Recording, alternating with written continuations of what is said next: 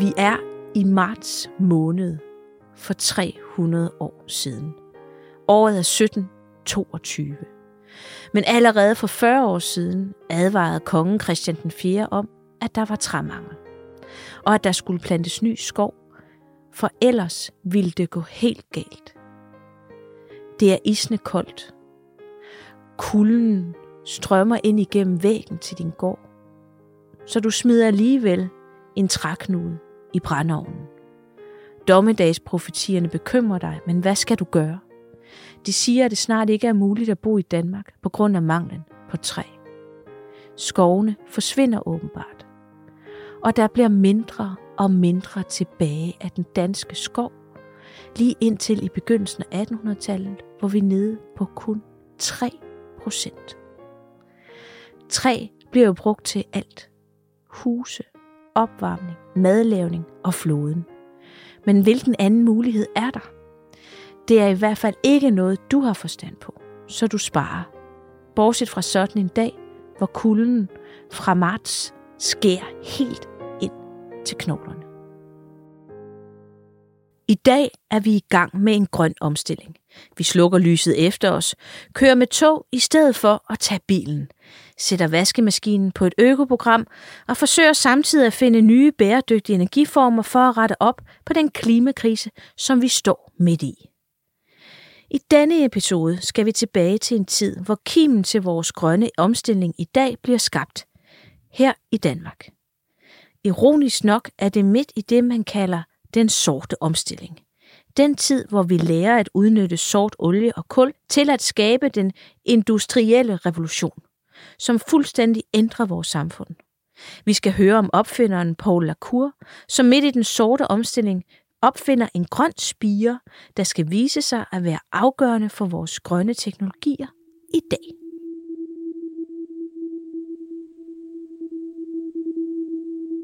Går vi tilbage i tiden til 1700-tallet, var der kæmpe mangel på træ. Men i indgangen til 1800-tallet finder man ud af, at man kan komme rigtig langt med kul og olie. Kul er nemt at få til at brænde. Dampmaskinen bliver opfundet, og med den kommer togene og dampskibene. Så nu kan du rejse over oceanerne uden vind og landegrænserne uden heste. Befolkningen rykker tættere sammen, og hverdagen bliver effektiviseret. Lige pludselig er hele samfundet omlagt til en stor fabrik, der producerer, producerer og producerer.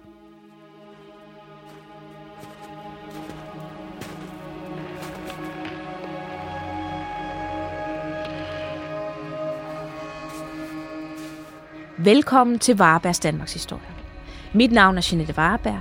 Jeg er museumsinspektør, arkeolog og forfatter. Og i den her podcast vil jeg sammen med nogle af Danmarks dygtigste historikere, arkeologer og eksperter fortælle om de mest fascinerende ting i Danmarks historie, som du skal kende for at forstå det samfund, du lever i i dag. Og denne første sæson kommer til at handle om klimaforandringer. I hver episode vender vi tilbage til et helt særligt tidspunkt i historien. Et tidspunkt, som kan give os en bedre forståelse af den klimakrise, vi står i lige nu. Hvis du har lyttet med på de andre episoder i denne sæson, ved du, at vi indtil nu har beskæftiget os med den fjerne fortid. Men det laver vi om på i dag. I dag skal vi tale om det mere nære, både den nære fortid, men også om den nære fremtid, for den energirevolution, som skete i slutningen af 1800-tallet, har reddet mindst lige så mange liv, som den nu tror. Derfor skal vi måske ikke kopiere deres fremgangsmåde og bruge mere kul og olie, men vi skal lære af menneskers virkelyst, opfindsomhed og ubendige trang til at rykke sig fremad og tage resten af verden med. Og derfor sidder du over for mig i dag, Torgil Assersen. Du er museumsinspektør på Danmarks Tekniske Museum. Og du har også været med til at lave udstillingerne, har jeg ladt mig fortælle, øh, på, i det nye museum øh, for søfart i Helsingør. Og i dag der arbejder du så for øh, Danmarks Tekniske Museum. Så du kender til den svære kunst at formidle enkelt i museumsrummet. Og det kan jeg sige dig, det får vi også brug for i dag når du skal tage mig igennem den her fascinerende periode, som jo handler om, hvordan at kul og olie startede en hel industri, men også at der ud af det voksede noget frem. Jamen, det er rigtigt. Øh, man er begyndt at tale om, at øh, 1800-tallet i Danmark, øh, det er der, vi oplever det, man kalder den sorte omstilling. Det vil sige, at vi begynder at bruge, ja, i første omgang kul, og øh, vi begynder industrialiseringen af Danmark. Den starter sådan rundt regnet i midten af 1800-tallet.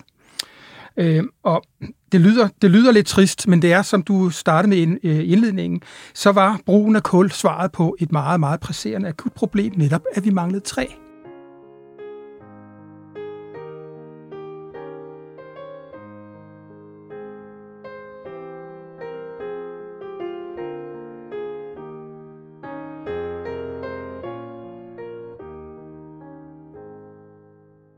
Derfor der vil jeg jo gerne lige have dig med til øhm, at, at trække tiden tilbage til før det, for vi står jo i en klimakrise og har fundet ud af, at det, ikke du, at det slet ikke dur med de her fossile brændstoffer meget længere endnu. Øh, altså hvis vi skal blive på den her jord, ikke? Men for at forstå denne problematik ordentligt, bliver vi jo nødt til at starte et andet sted, for vi skal jo faktisk helt tilbage til 1700-tallet, hvor vi, eller slutningen af 1700-tallet, hvor vi er ved at løbe tør for træ og dermed også energi. Jamen, det er rigtigt. Øh, og i øvrigt så er det, det er rigtigt, vi er ved at løbe tør for energi. Øh, træ blev brugt til ja, opvarmning, madlavning, til bygning af skibe, til at bygge huse, til at bygge redskaber. Og øh, man skal tænke på, at på det her tidspunkt, der bor der cirka 1 million mennesker i Danmark. Og alligevel så er skovene ved at forsvinde. Så, så vi står virkelig over for et ressourceproblem af de helt store.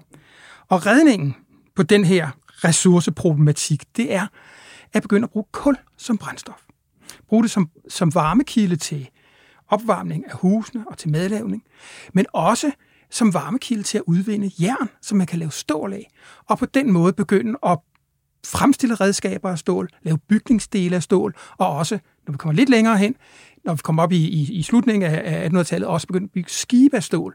Så det vi får, kul til opvarmning, kul til udvinding af jernmalm, øh, og hvad der hedder, det vi får, øh, hvad der hedder, masser af jern som øh, et, et rigtig, rigtig godt materiale, det letter presset på skovene. Og det sker samtidig med, at man så beslutter sig for, omkring år 1800-1802, tror jeg det er, at lave det, man kalder for en fredskovsforordning. Det var lidt det, Christian den 4. ville. Nu skal vi altså til at plante noget mere træ, men ikke rigtig nogen gjorde det.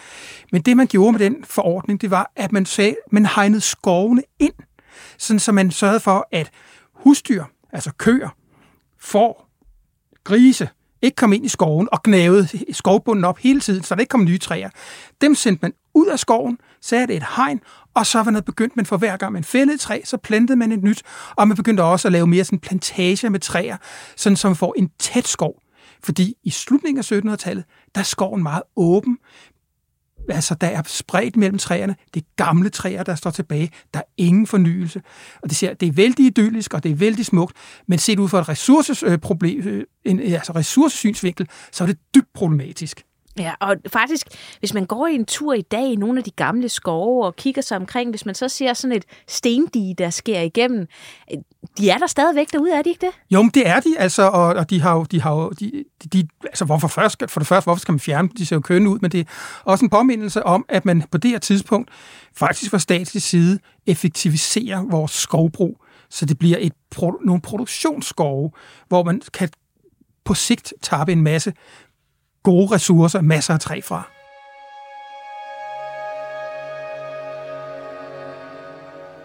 Ja, så, så de her øhm, øh, nye materialer, som vi egentlig, altså kul og olie, det er jo noget af det, når vi diskuterer i dag, så, så er det virkelig de store syndere. Det var faktisk dem, der reddede vores skov. Altså man kan sige på den måde, at, at, at, at, at kul, som det er i første omgang, altså bringer en masse skønt med sig. Man kan sige, sådan lidt provokerende, de redder vores skove. Det er rigtigt. Men de sørger også for, at vi begynder at få varme i husene igen. Det sætter vi pris på. Ja, det gør vi. Og, og, og, og, og sammen med, med kul, som er fantastisk koncentreret energikilde, så, så, så udvikles dampmaskinen.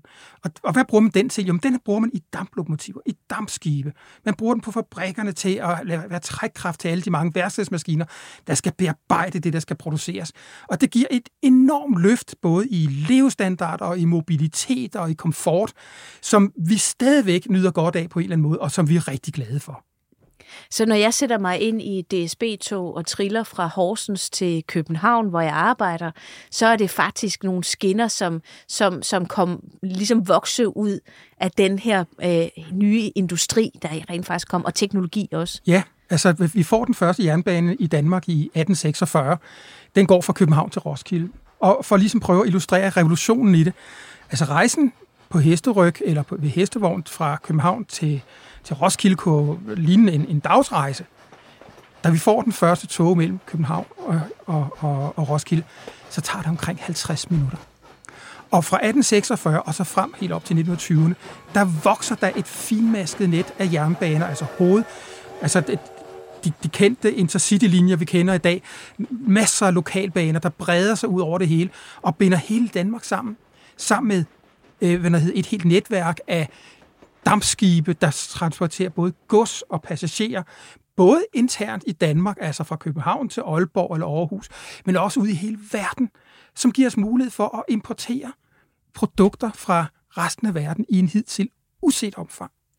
Og det betyder vel også, at øh, alle de her mennesker, der har boet ude på landet og ernæret sig ved at være bonde, de strømmer lige pludselig til byerne. Ja, det der sker, det er jo, at, at, at bønderne, dem, der har gårdene, de bliver, de bliver på landet. De har det godt. De har fået deres frihed i slutningen af 1700-tallet med det, der hedder landboreformerne. De begynder at få, få foden under eget bord og eje den jord, de dyrker. Det går dem rigtig godt. Men der sker også det, at landbruget bliver effektiviseret. Man får lidt mere effektive redskaber. Man har ikke brug, brug for så mange heste til at trække ploven mere, som er en moderne plov lavet af stål. Der kommer en overskudsbefolkning, og hvor skal den tage hen? Den flytter ind til byerne, og hvad sker der inde i byerne? Der begynder at spire industrier op, fordi vi har fået dampmaskinen. Og dampmaskinen gør, at vi behøver ikke at placere fabrikkerne nede ved vandløbene, som vi ved Gud ikke har ret mange af i Danmark, der, og så lave en vandmølle.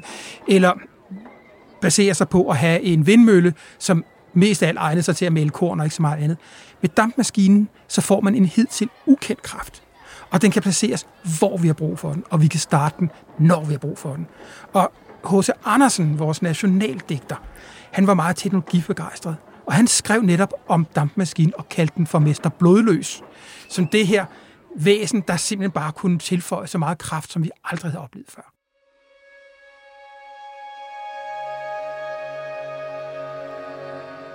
Og alle de her mennesker, som strømmer ind til, til, til byerne, de organiserer sig vel også? Ja, men altså, der, der, sker jo, der sker jo det i Danmark på det her. Altså, altså 1800-tallet er jo et fantastisk århundrede. Man tror måske ikke, der sker så meget. Der sker virkelig meget.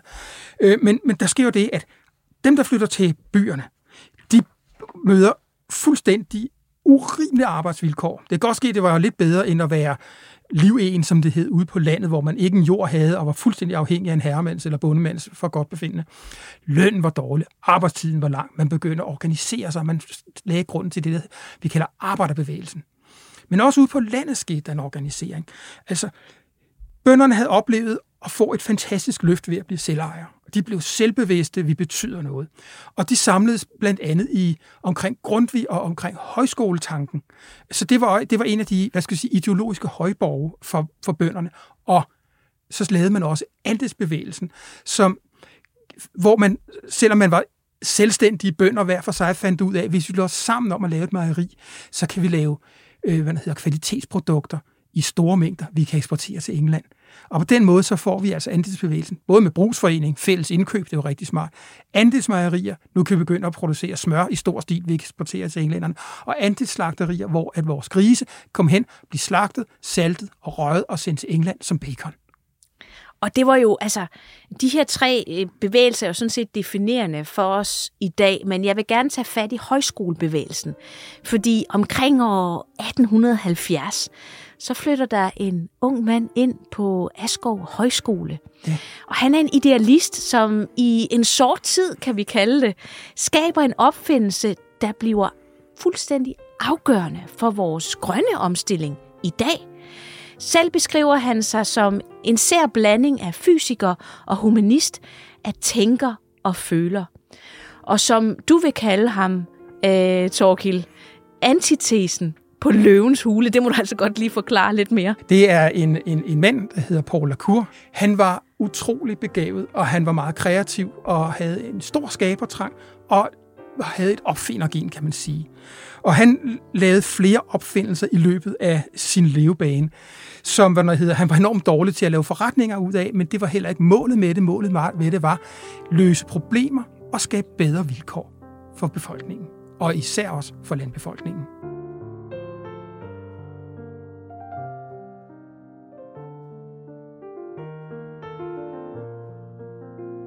Kan du ikke fortælle lidt mere om, hvad, hvad, hvad er det for en tid, den her unge mand, han vokser ud af? Ja. Hvad er det for et samfund, der runder ham? Ja, det vil jeg rigtig gerne. Altså allerførst skal vi lige på plads. Han blev født i 1846. Og han var søn af en øh, proprietær, det vil sige en stor landmand, for at sige det på almindelig dansk. Og øh, han øh, ville gerne i starten være, havde tænkt, at han ville gerne være præst, og han kommer på latinskole. Øh, og det viser, at han er faktisk ikke særlig god til latin og oldgræsk. Faktisk synes han måske, det er lidt kedeligt. Til gengæld så er han rimelig skarp til matematik og fysik. Så han, efter han har taget latinskolen, og har fået topkarakterer i, øh, i fysik og matematik, så, øh, hvad hedder, og dårlige karakterer i græsk og, og latin, så bliver han øh, sendt til øh, Polyteknisk Læreranstalt, det der i dag hedder DTU, Danmarks Tekniske Universitet i København, hvor han så uddanner sig til øh, fysiker og meteorolog og meteorologi var et helt nyt fag på det her tidspunkt. Da han er færdig, og han har fået en rigtig fin eksamen, så tager han på en dannelsesrejse til udlandet, hvor han kommer til Holland blandt andet, og til Skotland, hvor at noget af det mest fremmeste inden for meteorologi, det foregår på det tidspunkt. Så han er fremadsynet? Han er fremadsynet, han er entusiastisk, han er, han er grebet af det, han gør. Og for at ligesom illustrere den, hvor optaget han er det, så er det, og han vil gerne have, at det skal gøre nytte, det han gør. Så han tager faktisk også ud at sejle for at lære af søfolkene, hvad er vigtigt for jer? Når de skal have en vejrudsigt. Så det, at han er ude til søs, hvad tager han med sig hjem derfra? Jeg tror, han, han tager sig en masse viden, og måske også en bevidsthed om, at det her med at dyrke meteorologi, er ikke kun noget teoretisk, det er noget, der kan bruges til noget. Og, og det, det, det tager han også med hjem til Danmark, hvor han så bliver vicedirektør for Meteorologisk Institut. Og han får til opgave at opbygge en værtjeneste med værstationer over hele landet.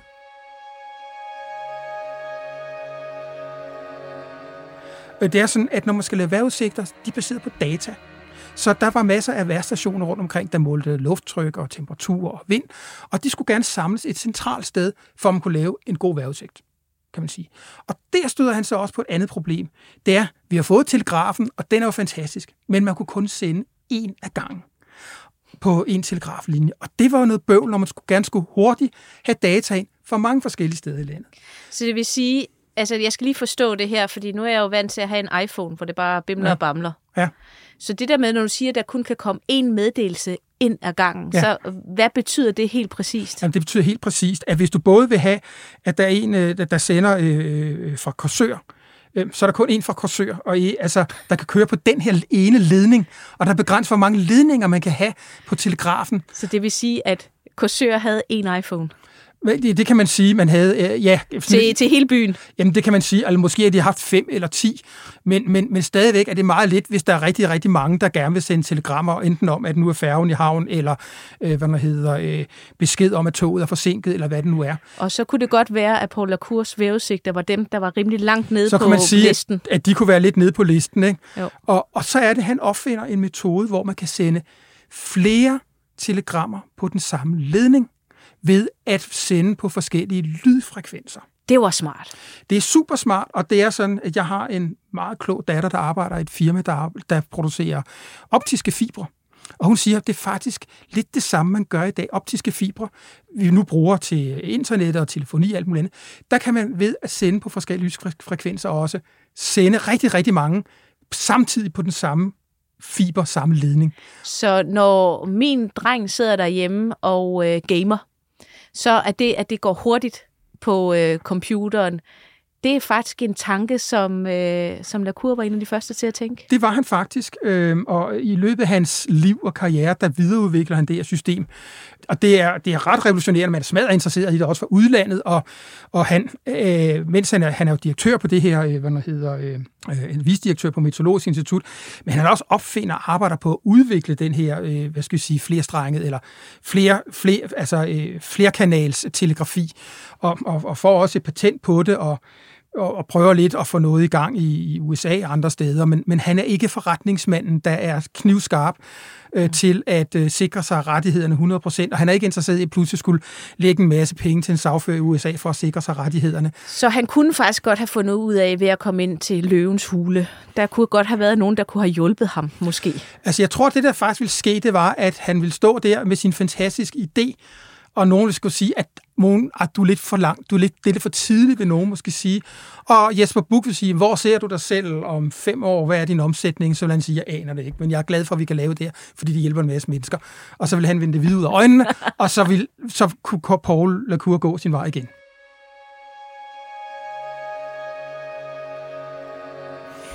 Så, så det vi også kan konkludere er det, at han er en Ole opfinder, han er virkelig dygtig, men han tjener vel ikke så mange penge på det her? Det gør han ikke. Altså, han, han, han siger sit job op på Meteorologisk Institut i 1877 for at prøve at ernære sig som, som hvad man hedder, øh, og så, så, som opfinder og udvikle sit system der, men det kniver med at tjene penge nok på det. Og han er i mellemtiden blevet gift og har fået to små børn, øh, og, og hvad man hedder, øh, i 1878, der opgiver han i første omgang sit opfinderliv og bliver, øh, bliver lærer på Askov Højskole, som netop har besluttet sig for, at ligesom komme et niveau højere op end det almindelige dannende og det praktiske fag. Nu skal bønderne også lære noget matematik og fysik, han bliver matematik og fysik lærer på Askov. Ja, og Askov fungerer jo den dag i dag, ja. hvor jeg blandt andet en gang imellem er nede og undervise, så det ja. er jo et dejligt sted. Ja. Så, så hvis vi lige spoler til lidt tilbage i din fortælling, så, så sker der det, at han prøver jo virkelig at, at slå igennem, eller i hvert fald komme igennem med sin opfindelse, men samtidig med, så får han en ung smuk kone og nogle små børn, ja. Og det er jo i virkeligheden hendes tilknytning til Askov, der gør, at han kommer derned, er det ikke det? Altså, det, hun spiller i hvert fald en væsentlig rolle. Hun, hun er også ud af den her, hvad, hvad skal vi sige, grundvidianske øh, øh, jeg vil ikke sige slægt, han er ikke, hun er ikke beslægt med Grundtvig, men den her rørelsebevægelse der, og hos mange bønder, og vækkelse der. Ja, og, og vi må, måske også lige sige, at hun hedder Hulda Barfod, ikke? Hun hedder Hulda Barfod, og de bliver gift, øh, så vidt jeg husker, i 1873. Og, og, og, og, og det er faktisk hende, der ligesom får øh, sporede Paul Lacour ind på det åndelige og på, på kristendommen øh, i den grundvidianske aftapning, og troen på folkeoplysning og højskolen. Han har altid troet på Gud, men, men hun er med til at forstærke den her ansporing til at gøre, gøre det nytte inden for den, det område, og det er med til at gøre, at han bliver øh, lærer på, på Asgaard Højskole. Han kunne have fortsat som direktør. Han kunne måske være blevet øh, stjernerig på sit telegrafiudvikling og masser af andet, og vinde masse heder på den måde. Han valgte en anden vej. Og det var ja. i høj grad af Huldas øh, fortjeneste, at han gjorde det. Ja, og hun ville også gerne have, at han havde, fik en fast indkomst, ikke? Altså, det sled enormt meget på ham, det her med at opfinde og kæmpe for og patenter og alt muligt andet. Så hun har også dels haft en drøm om at komme tilbage til Askov som den her åndelige safe space eller højborg, som det var øh, blandt ligesindede. Og så var hun måske også lidt træt af, at han var ved at slide sig selv fuldstændig op af, af, af det her med at prøve at opfinde og gøre en karriere som opfinder. Men tragedien, den indtræffer jo. Ja, altså det, det, er, jo, det er jo rigtig, rigtig trist, fordi at de flytter til, til Asgård, og jeg mener, det er efteråret 78, og en måned efter, så, øh, så føder Hulda et dødfødt barn, og to dage senere, så dør hun i barselssengen. Og, og der ved vi fra nogle beskrivelser, han selv har skrevet, at at, at troen hjalp ham, og også hans kone, enormt meget. Det hjalp hans kone til at, at hvis sige, lidt populært dø i fred med sig selv. Men, men gav også ham trøst. Og, og, og så står han alene der med to små børn, og lige en, et, et, en dødfødt, jeg mener, det var en søn. Og så er det her et miljø et rigtig godt sted at være for ham. Ja, fordi hvordan er livet for ham derefter på Asgård? Jamen, det er, altså, for det første, så er han så heldig, at hans søster har fulgt med ham. Og, og hun var, lidt ligesom Elisabeth Fris i øh, Massador forestiller mig. Hun er lidt en skyggetante. Hun tager sig af børnene. Men han kommer ind i et miljø, hvor der er rigtig meget at lave, hvor der er mennesker, som har, hvad skal jeg sige, er hans åndsfælder på mange punkter. Og det løfter ham meget, tror jeg. Og det første, han giver sig i kast med på Asgaard, det er, at øh, det er undervisningen, og så også begyndt at tænke undervisning på en ny måde. Fordi dem, han skulle undervise, det var jævne folk, uden naturvidenskabelig baggrund eller specielt eksponeret for det. Så han opfandt eller udviklede nogle principper, der hed historisk matematik og historisk fysik, der gik ud på.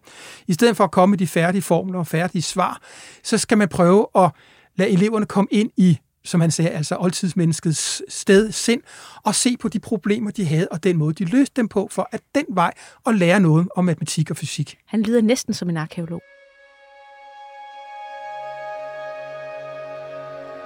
Så han sidder der, han får skrevet nogle bøger ja. vel til undervisning? Han får skrevet bøger til undervisning, og han går meget on, altså han, han øh, er også øh, optændt af, af tanken om, om ungdommens sundhed, og går meget ind i, i, i, i hvad der hedder, øh, altså at, at, øh, indføre en mere øh, harmonisk og fri form for gymnastik frem for det tyske system, så er han meget advokerende for det svenske, harmoniske svenske gymnastik. Og, og det lyder lidt sjovt i dag, men det er det der troen på kroppens frie harmoni, harmoni mellem krop og sind og den frie udfoldelse. Øhm, og det, der lægger han mange af sine kræfter de første år på Asgård, men så begynder det igen. Så begynder det at klø i Ole Opfinder? Jamen, det begynder at kilde lidt igen, fordi at, øh, han fortsætter at videreudvikle faktisk sin, sin telegrafi til, i stedet for kun at kunne sende fire signaler på en gang, udvikle et system, der kan komme op på 10 signaler. Og det er jo rimelig cool. Så der var han videre med. Øh, men igen stadigvæk i rollen som lærer på Asgård Højskole, ikke fordi han skal være den, den nye entreprenør, der skal lave en verdensomspændende virksomhed. Det skal også siges, at i 1881, der bliver han så gift med en øh, lærerinde på Asgaard Højskole, Christine Marstrand, med hvem han så får fem børn. Og. Ja, men altså, man fik mange børn dengang, det skal man huske, at det gjorde man jo. Ja, ja. Og det er jo... Det... Jeg tænker bare stadigvæk, mm-hmm. jeg har to, jo, og det med mit også. arbejde. Ja, men altså, det, ja. Men, men det er også, hvad skal vi sige, øh, altså, jeg har også to børn, og øh, de er voksne nu, men men jeg kan også huske, det tog meget tid, ikke? Øh, men jeg havde heller ikke en søster, der tog sig af dem. Eller en, en hustru, der var hjemme og passede det hele. Ikke? Det er selvfølgelig rigtigt. Øh, men han arbejder videre med sit tonehjul, som man nu kalder sit telegrafisystem. Og så begynder han også at interessere sig for vindmøller. Fordi at vind, det er jo en energikilde, vi har masser af i Danmark. Ja, især hvis man er i Jylland, ikke? Nok især, når man er i Jylland. Ja, det er rigtigt. Der er det rigtig vestlige meget. Jylland, ja. der blæser det ind over. Ja, vinden blæste hvis lystigt over af skov, som han sagde, noget af den stil. Men altså, hvorfor, hvorfor var det det, der interesserede ham? Hvad ville han opnå? Fordi udover at være en Ole opfinder, så var han jo idealist ja. og humanist og fritænker på mange måder. Ja, så, ja. så hvad var det lige med, med vinden, der tog? Hvorfor tog vinden ham? Jamen, altså, ja, altså vinden tog ham, øh, fordi øh, at han kunne se, at her havde vi en energikilde, øh, som hvad der, hedder, der virkelig havde et potentiale, tænkte han. Og det er også, han sagde, at vi bruger, vi importerer meget kul, og det er dyrt at importere, og det kan hjælpe på, jeg vil ikke sige betalingsbalance, men for Danmarks økonomi, hvis vi kunne blive selvforsynende med energi, fordi kul, det har vi ikke. Og, og jeg tænker, det er bare noget, jeg tænker, men jeg tror ikke, det er helt ved siden af. Når man har ude at sejle med et sejlskib, så mærker man, hvor mange kræfter der er i vinden. Virkelig. Og det var han jo. Det havde han været. Så han har måske også tænkt, at altså, altså vind rummer meget energi. Og han skriver også noget om det. Og så beslutter han sig for at sige, at vi skal bruge den her vindkraft til noget. Og, man, og når man så kigger ud i landet, og har helt sikkert holdt sig orienteret med, hvad der sker sådan af teknologiske nyskabelser rundt omkring med elektrisk lys, elektromotorer og jeg skal give dig, skal jeg. Øhm, det, det, det gør, at han siger, og han kan se, at elektriciteten er noget, der hører til i de større byer. Og det vil han gerne have også, at det er også noget, der skal komme landbefolkningen til, til gode. Fordi vi er i en situation, hvor at, at der er befolkningstilvækst, men det foregår helt klart i storbyerne. Og det er i storbyerne, det fede ting sker med sporvogne, elektrisk lys, gas, gaslys, gasvarme, altså øh, telegrafi og så videre. Altså, alle de der gode ting, de sker derinde. Men det mener han faktisk også, at landbefolkningen skal have glæde af. Og det er jo noget, vi kender i dag også, når vi står med vores mobiler. Der er ikke noget mobilsignal, fordi man er et eller andet sted langt ude på landet, og man hører også om, hvis du køber en gård et eller andet sted, så skal du nærmest op på den nærmeste bakketop, og så hvis du er heldig at vinden blæser i en rigtig retning, så kan du få signal. Mm. Så det er jo ikke noget nyt, men, men han, han, han var på mange måder fremsynet her. Ja, det han så tænker, det er, at han kan se, at vind har vi masser af. Der er masser af kræfter i vinden, Problemet er, den blæser ikke altid, og når den endelig blæser, så er det meget ustabilt. Og han vil gerne lave en, han vil gerne konstruere en vindmølle og en teknologi, der gør, at man kan bruge vindkraften til at lave elektricitet, som man så kan bruge til lys og til at trække maskiner og det, det primært det, vi er ikke kommet til radioen endnu, det er vi ikke, det kommer senere, ikke? Øh, men, men hvad der hedder, han kan se, at den her energikilde, det her fantastiske teknologi, der hedder elektricitet, skal vi også have glæde af ude på landet. Øh, og, og derfor vil han, vil, vil han til at eksperimentere med det. Men han går jo ikke bare lige ud og, og banker en, en øh, Vestasmølle op i baghaven, vel? Nej, det, han det, starter et andet sted. Altså, han starter med at, øh, at hvad hedder, skrive til, til regeringen, og han får støtte til at opføre den første forsøgsmølle på Askov, med henblik på at lave en elproducerende vindmølle. Og det lykkedes ham, og man skal vi lige i to sekunder være en lille smule teknisk. Når man skal have en dynamo til at lave strøm, og den skal trækkes af en vindmølle, så skal det foregå med en jævn kraft hele tiden, så den ikke løber op og ned, op og ned hele tiden, fordi så bliver strømmen også ujævn hele tiden. Det vil svare lidt til, hvis man nu havde en elektrisk pære, så ville den gå op og ned i styrke, ja, ja, det, det vil være sådan noget af den stil, ikke? Ja. Og, og det, det han så gør, det er, at han opfinder et apparat, som får det fuldstændig vidunderlige navn, kratostaten. Altså, det har jeg altså, aldrig hørt om det, før. Det, det, altså, det, det, det havde jeg heller ikke hørt, før jeg kom på Teknisk Museum. Men, men det er et apparat, der gør, at man kan udjævne den, den svingende hastighed, vindmøllen løber med, til en fuldstændig jævn bevægelse. Og når man har den jævne bevægelse, så bliver vindkraften, man får fra møllen, god til at lave strøm med. Så det var første trin. Nu har jeg lavet en, vind, en strømproducerende vindmølle, der kører med en jævn hastighed, ikke? og det er super godt. Og, og, det, og, det, det, kan man, og det, det var, kan man sige, var meget, meget fremsynet, men, men, men det er også her noget af det geniale kommer. Fordi han så også siger det der med, ja, vinden kan lave meget strøm, Problemet er, at vinden blæser ikke altid. Og til det vil jeg godt lige læse et citat op af Paul Lacour. En kraftkilde har landet dog, som er mere end rigelig nok, når den ellers var tilstrækkelig let at øse af, nemlig vindkraften. Men til dennes anvendelse er der knyttet de to ulemper, at vinden kun kan udføre et meget ujævnt arbejde, når det blæser, og at det til tider aldeles ikke blæser. Og det er fra forsøg angående vindkraftens anvendelse 1895.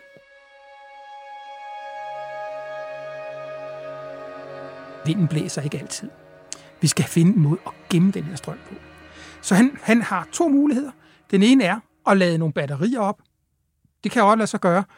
Men så laver han også en anden ting. Det er, at han siger, at den her strøm, han er jo fysiker, kan bruges til elektrolyse. Og elektrolyse betyder sådan lidt firkantet sagt, at man sætter strømmen, en plus og en minus, ned i, øh, i noget vand, måske med det saltsyre i, fordi så leder den strømmen bedre. Så vil det ved hver af de to poler, ved den ene vil der boble ilt op, og ved den anden vil der boble brint op. Og det her ilt og brint, det samlede han i nogle tanke. Og på den måde kunne han omdanne elektriciteten til brændstof, til brint. Og den brint, den brugte han så ja, i en 5-6-7 år øh, til at lade hele højskolen og sit hjem lyse med nogle det skulle han så også. Han skulle lige opfinde en lampe, der kunne lyse ved hjælp af det brint. Så opfandt sådan en. Så, så han brugte det faktisk sådan, at om aftenen, hvis, og hvis, hvis vinden ikke blæste osv., så, videre, så kunne de bruge af det her brint til at lade lamperne lyse i Askov.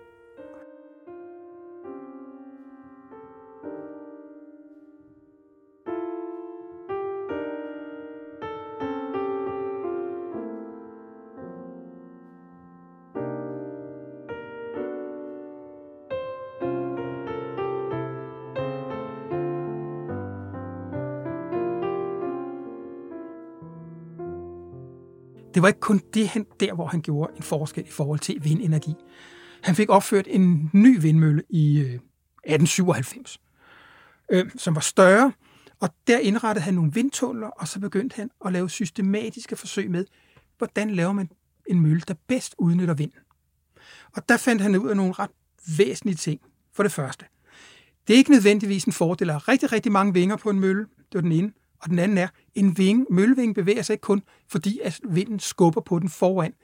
Den bevæger sig også, fordi der bliver lavet et undertryk på bagsiden af vingen. Er det ikke, altså nu, nu udstiller jeg jo lidt her, at jeg ikke er så teknisk, men er det ikke lidt det samme, som man finder ud af med flyvemaskinen? Ja, og det, og det her lige præcis. Og det her, det sker i en periode, hvor at aerodynamikken, som man kalder det, er i udvikling, og hvor man, altså i 1903 flyver brødrene Wright med den første flyvemaskine. Så vi er lige i den tid, hvor man får øje på et nyt naturvidenskabeligt felt, fænomen. Og der finder han så ud af, mens brødrene Wright de flyver, så uh, finder han ud af, at en vingemølle, eller en, en, en møllevinge, den har, bliver bevæget både af et skub foran og træk bagved. Og, og det er, hvad der hedder det skal senere vise sig at være temmelig banebrydende, for det gør, at man kan lave endnu mere effektive møller. Og han konkluderer også, at møllerne, især hvis de skal bruges til elektricitet, så skal de ikke have for mange vinger.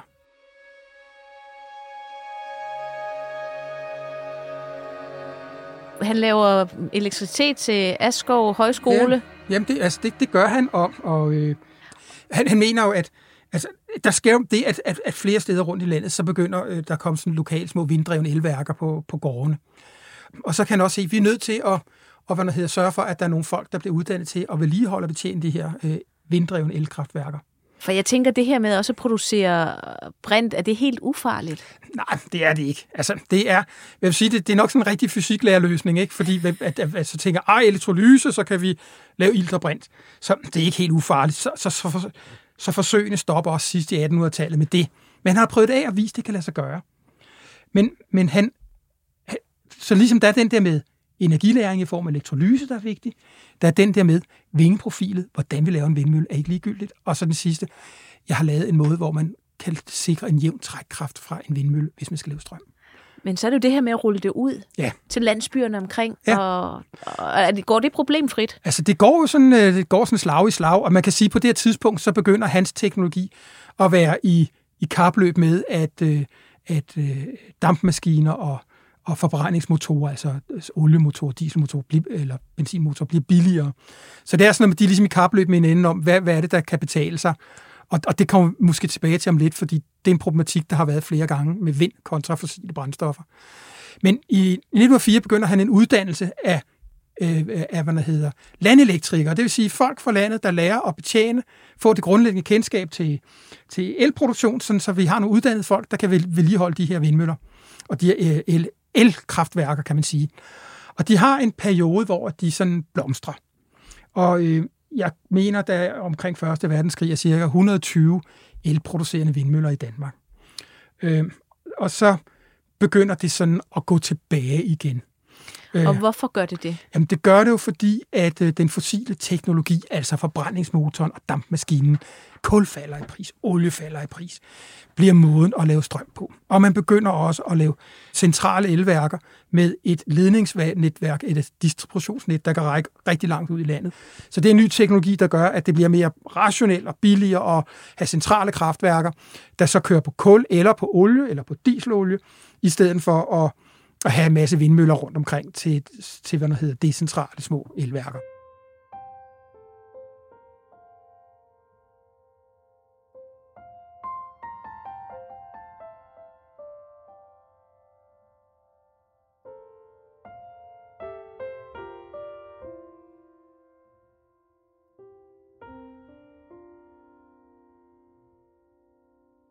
Så stadigvæk, det var lidt for småt. Ja, ja. Og, ja Hans det var, opfindelse, altså. Ja, man kan sige på den måde, det var en skala, der gjorde, det var lokalt, og, og så havde man, altså, så, så på det her tidspunkt, så begynder, at man fortsætter mange steder med at have vindmøller, der kan trække en pumpe og sådan noget, til altså vandpumper og sådan noget, men det der med elproduktion, det går tilbage, indtil vi kommer til 2. verdenskrig. Blev en lille smule interesseret i det igen, og, og hvad der hedder, kender du en, der hedder Ellehammer? Jeg har hørt ja, det før. Ja, ja, men... Jakob Elle, han har også en opfinder. Han, var, han, han, han, er nok, han, har lavet mange flyveforsøg. Han var rigtig Ole opfinder også. Og under 2. verdenskrig, der fandt han ud af at lave sin bil om til en elbil, hvor han satte en elmotor i og nogle batterier, og så havde han en vindmølle, der så lavede strøm om natten til sin batteri, og så kunne han køre. Ikke? Og der er vi igen sådan, det er ikke fordi, at nu skal jeg redde kloden, men jeg har simpelthen bare brug for en bil, der kan køre, ikke? og jeg kan ikke få benzin. Altså det var sådan Det var knapheds. Ja, lige præcis. Ikke? Men kan man så sige, for at gå tilbage til, til Lacour, lykkedes hans mission så? Oplevede han så i hans levetid, Ja, det vil jeg nok mene, han at gjorde. det lykkes? Det vil jeg nok mene, for han døde allerede i, øh, som 62 år i 1908. Så, så jeg, jeg tror, han har oplevet, at, at meget af det, han havde sat værk, det lykkedes. Ikke? Og især også, at højskolen levede og blomstrede på det tidspunkt. Det har nok betydet lige så meget for ham, fordi han var et meget åndeligt menneske. Så, så hvad hedder, jeg, han ville nok et eller andet sted måske også have tænkt, at missionen er fuldført. Ikke? Øh, det, det, der skete, det var jo, at han, han, han pådrog sig en frygtelig forkølelse, og så i stedet og for, i, i stedet for at gå ind og få varmt tøj på, så var han op til, at han skulle lave et andet øh, forsøg eller noget andet. Så han gik sjaskvåd ud i et koldt laboratorium og rodet, og, og, og så fik han lungebetændelse, og så døde han. Ikke? Altså, han er arketypen på den der dedikerede videnskabsmand, der ja. bare bliver ved og ved og ved. Ja, lige præcis. Ikke? Altså, det, det, og, og det er jo det er nok også, det, det, den slags mennesker har vi virkelig brug for også. Ikke? Jeg er ikke en af dem, men ja, det er godt, vi har dem, vil jeg sige. Så, så hvis man skal blive i den her metafor mm. omkring løvens hule, så vil de også have sagt til ham, at han skulle passe på stress. Ja, det er jo blevet moderne inden for løvens hule, at nu begynder de alle sammen bekendt, de alle sammen har haft stress, efter de har gået og snakket om, at alle de skal bare ud over stepperne hele tiden. Ikke? Så det kan man godt sige. Altså, jeg tror også, at ja, stress, eller også, at, at, at, at han, han, glemte, han, han glemte sig selv i sin, når han var, var fanget af en idé, ikke? så skulle det gøres. Og han er måske på vej hjem i toget, eller på hestevognen, eller hvad. Få en eller anden idé, og den skal simpelthen afprøves, og det kan ikke vente til i morgen, det skal ske nu. Ikke? Fuldstændig dedikeret menneske. Fuldstændig, ikke? Og hans kone Christine, jamen kom nu ind, Paul, og få noget varmt. Nej, jeg skal lige, du ved ikke. Og så, det ved jeg ikke, det er sådan lidt gætteri, men altså, det, jamen, du kan godt for, ja. forestille sig det. Ja. Og, og det er jo også den måde, som, som vi kender øh, passionerede mennesker i dag, at man, ja. og, og man kan jo aldrig vide, hvornår det blev rigtig slemt. Så det Nej. lige præcis der, ja. måske den eneste gang, forregnede Lacour Det har han i hvert fald forregnet, så det kan man godt sige. Ikke? Altså, det, det, det har han.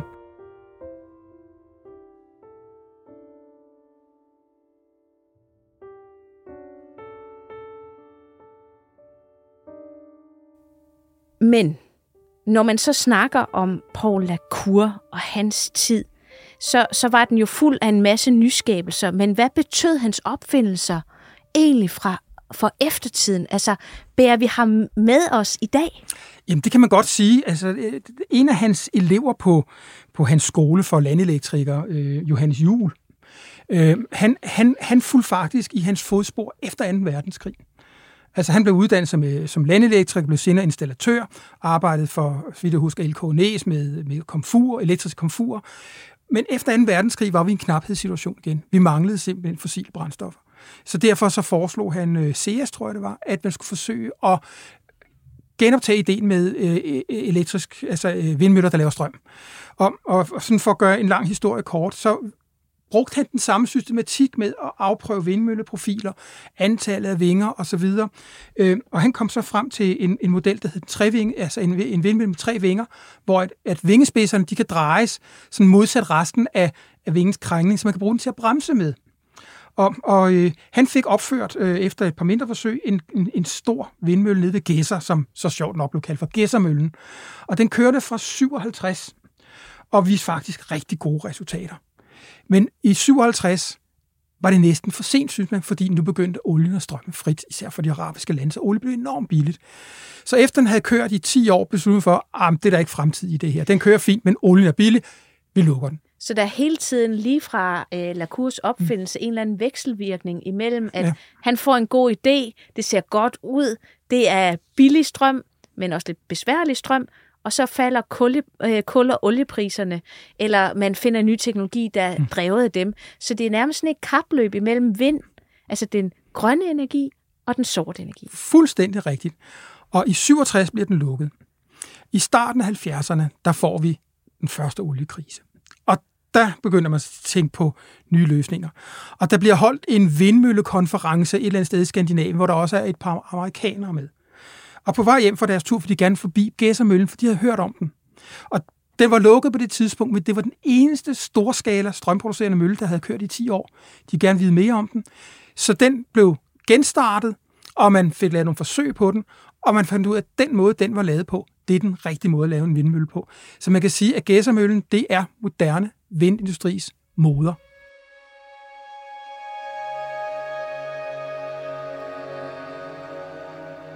Og så kan man sige, at derfra og så til nu, så øh, er der en masse kloge mennesker, der stadigvæk arbejder på livet løs for at finde på nye energiteknologier. Ja. Øhm, som ligesom tager arven op for Lacour øh, og, og de andre, der har tænkt i de her baner.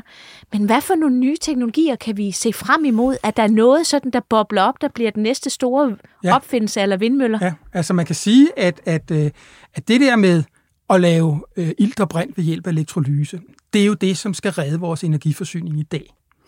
Øhm, men fordi vi har stadig det problem, vi har vindmøller, der kan lave sindssygt store mængder strøm, men de laver dem bare ikke, når det ikke blæser.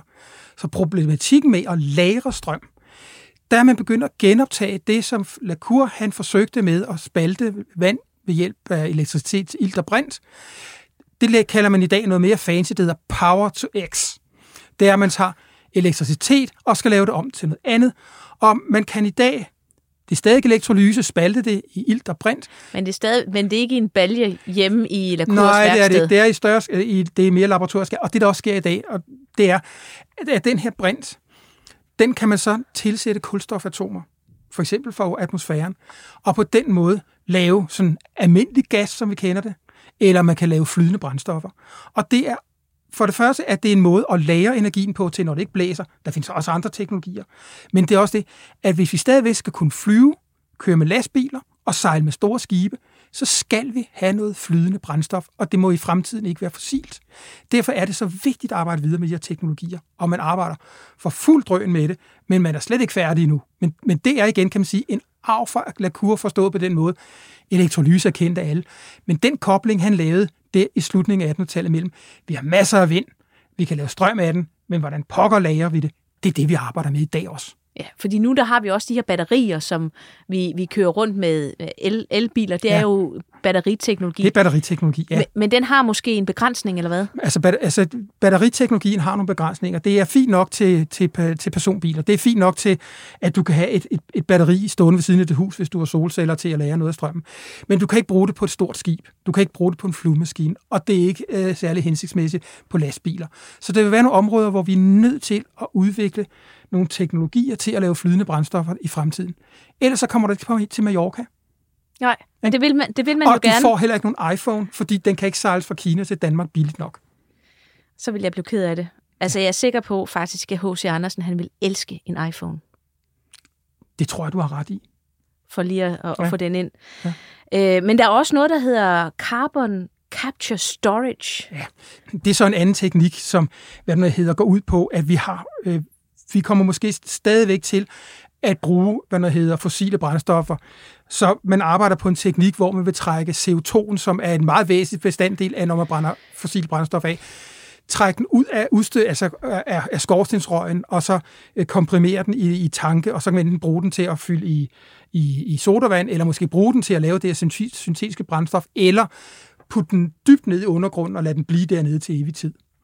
Så, så ned i undergrundens huler, der kan man simpelthen lukke det ned. Ja. Og man gør det jo sådan set, fordi CO2 er det, der gør, at man får en opvarmning af jorden, ja. sådan at vores klima bliver varmere og varmere, og vi ja. får ja. en meget mere ustabil vejrsituation. Ja. Så det er altså også for at komme, prøve at, at løse det her med, at vi bare banker CO2 ud i atmosfæren. Lige ikke? præcis, ja.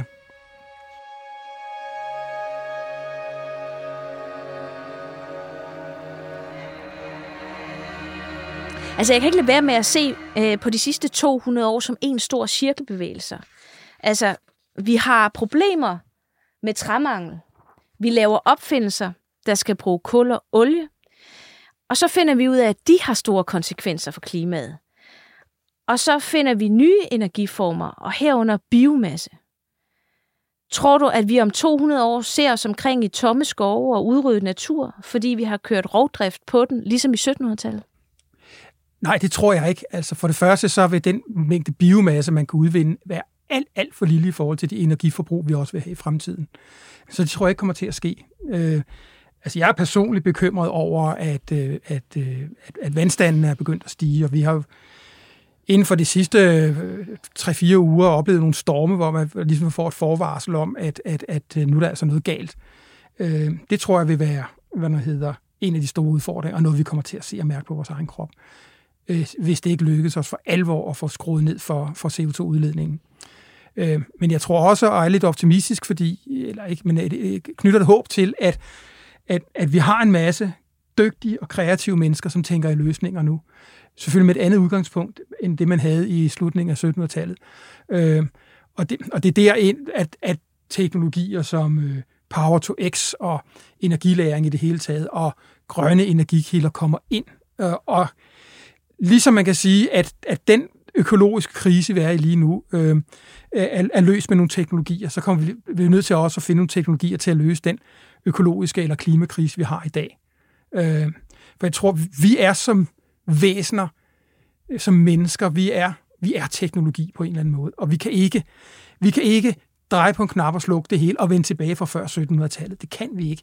Så, så, så vi er nødt til at finde nogle løsninger. Men det ligger heldigvis, tror jeg, i vores arts øh, øh karakteristika, eller kendelsen af vores art, at vi er skide gode til at opfinde.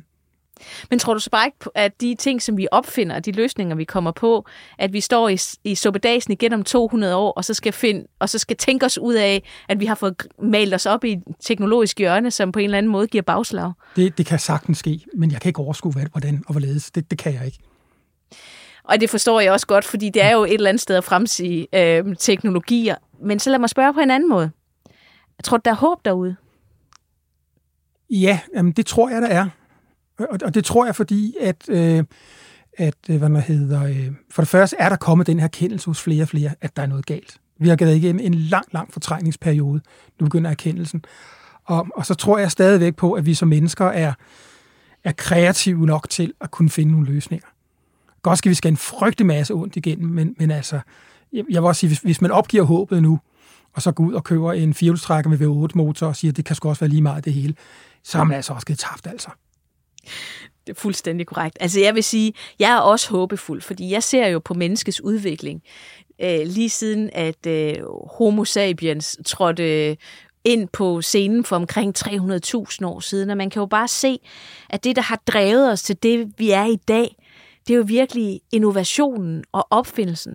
Og det er måske også en kombination med, at vi er lidt nogle dogne væsener. Så det er først, når vi bliver presset på vores levebrød eller vores levestandard, at vi kan se med egne øjne, at verden ændrer sig. Det er først der, vi tager os sammen, men så er vi til gengæld virkelig, virkelig dygtige til at opfinde os ud af problemerne. Så, så jeg er helt sikker på, at vi nok skal finde en løsning på det her. Der kommer nok nogle konsekvenser. Du siger også med storme og noget andet. Mm.